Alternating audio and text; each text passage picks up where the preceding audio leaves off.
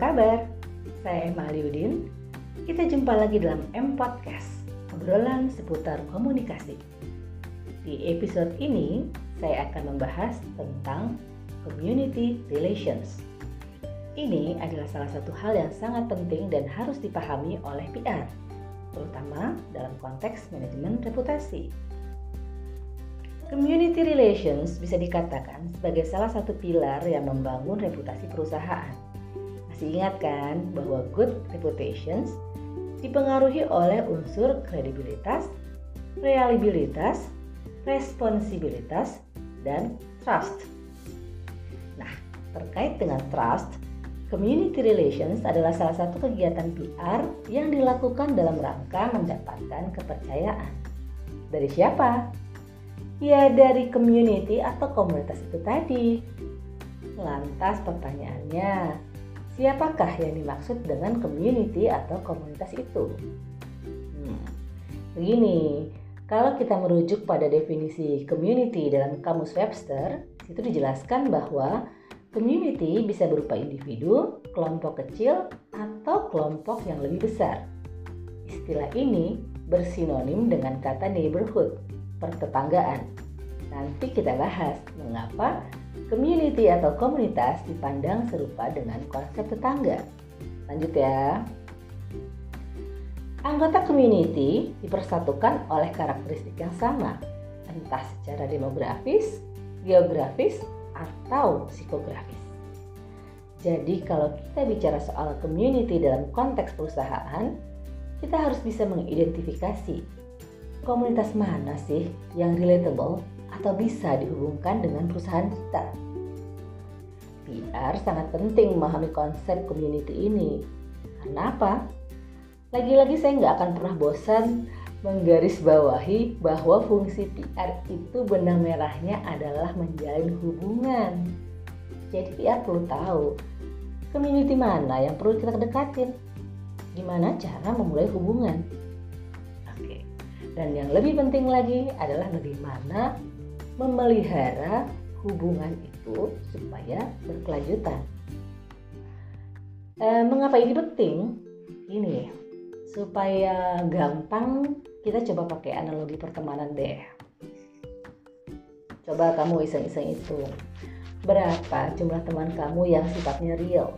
Dalam arti sosoknya nyata, terlihat, nggak goib gitu mungkin kalau di total jumlahnya katakanlah ada 100 nah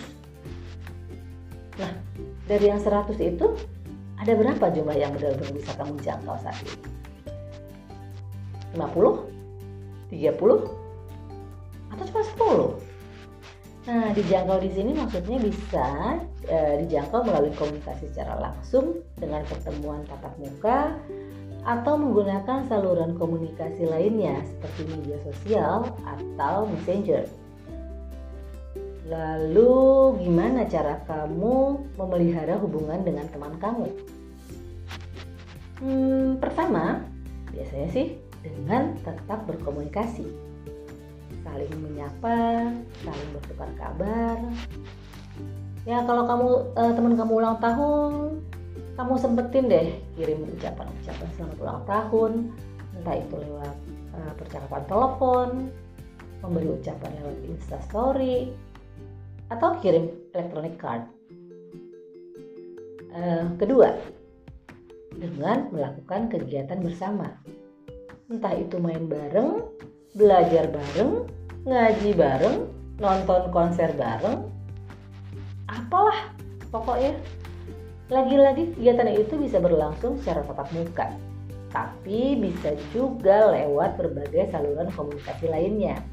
Misalnya nih, kamu ajakin teman-teman kamu bikin video TikTok, make bareng, masak bareng, atau karaokean bareng.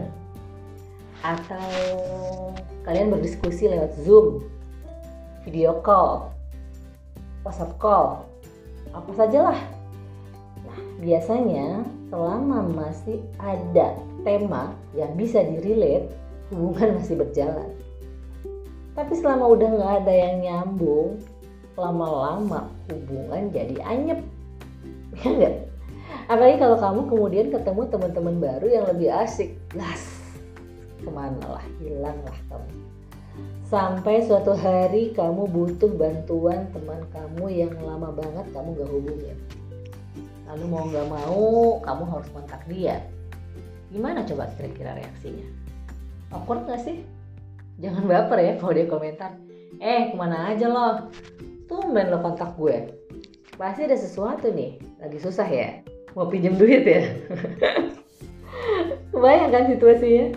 Perusahaan juga gitu. Sekarang ini udah bukan masanya lagi perusahaan. Apa pun bidangnya bersikap asosial alias nggak peduli dengan sekitar. Perusahaan harus peduli dengan masyarakat di mana dia beroperasi, harus peduli dengan komunitas-komunitas yang berhubungan secara langsung maupun tidak langsung. Untuk apa?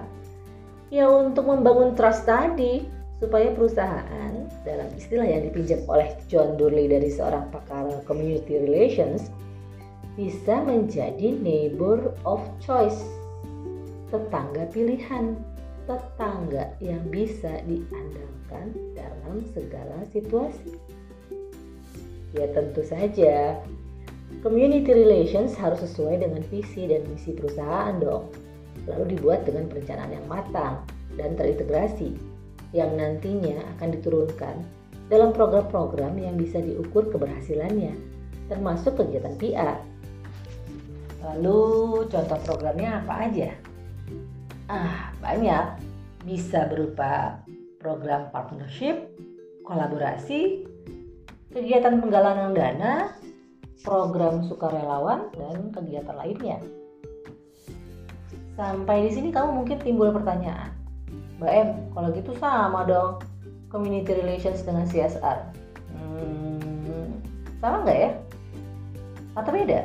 Oke, okay. nanti itu akan menjadi bahas uh, bahasan diskusi kita di kelas aja ya. Kamu atau siapa saja yang uh, sedang mendengarkan podcast ini, baik praktisi PR atau siapa pun yang mau komentar, boleh loh, boleh banget, silakan.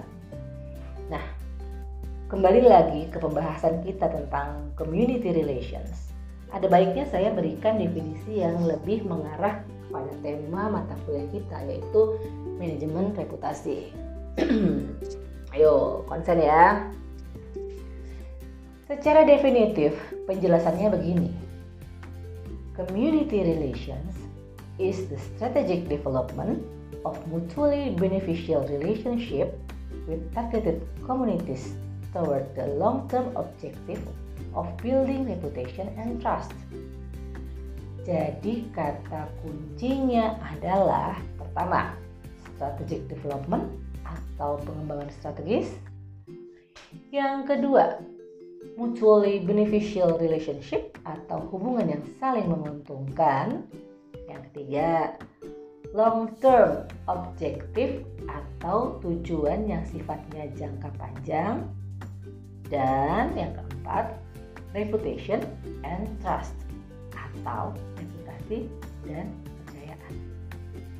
Sehingga kalau diterjemahkan secara bebas dalam konteks manajemen reputasi, pengertian community relations adalah pengembangan strategis hubungan yang bersifat saling menguntungkan antara perusahaan dengan komunitas yang disasar untuk mencapai tujuan jangka panjang perusahaan, yaitu membangun reputasi dan mendapatkan trust.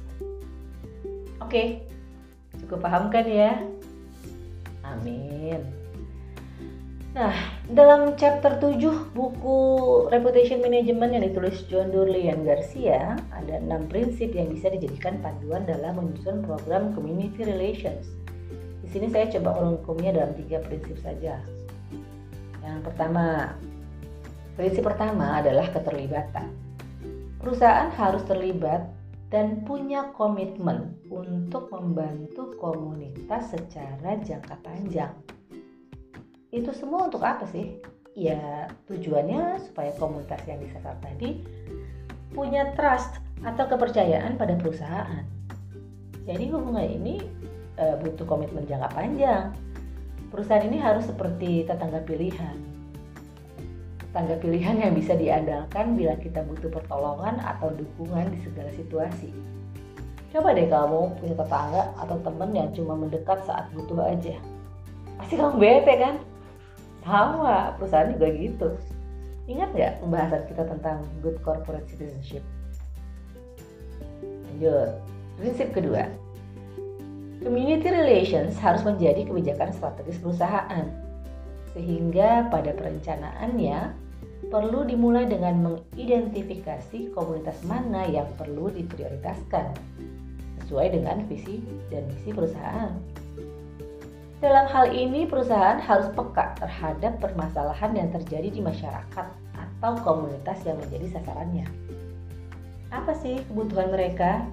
Misalnya nih, bila komunitas yang diprioritaskan adalah masyarakat sekeliling di mana perusahaan beroperasi, strategi yang dikembangkan harus bisa mengantisipasi apa yang menjadi harapan permasalahan atau isu mendesak yang dihadapi oleh masyarakat sekitar tadi. Contohnya, komunitas butuh pengadaan fasilitas tertentu, atau masyarakat butuh sekolah, rumah sakit, ruang terbuka ramah anak, atau perlu dibantu untuk pengadaan listrik, air bersih,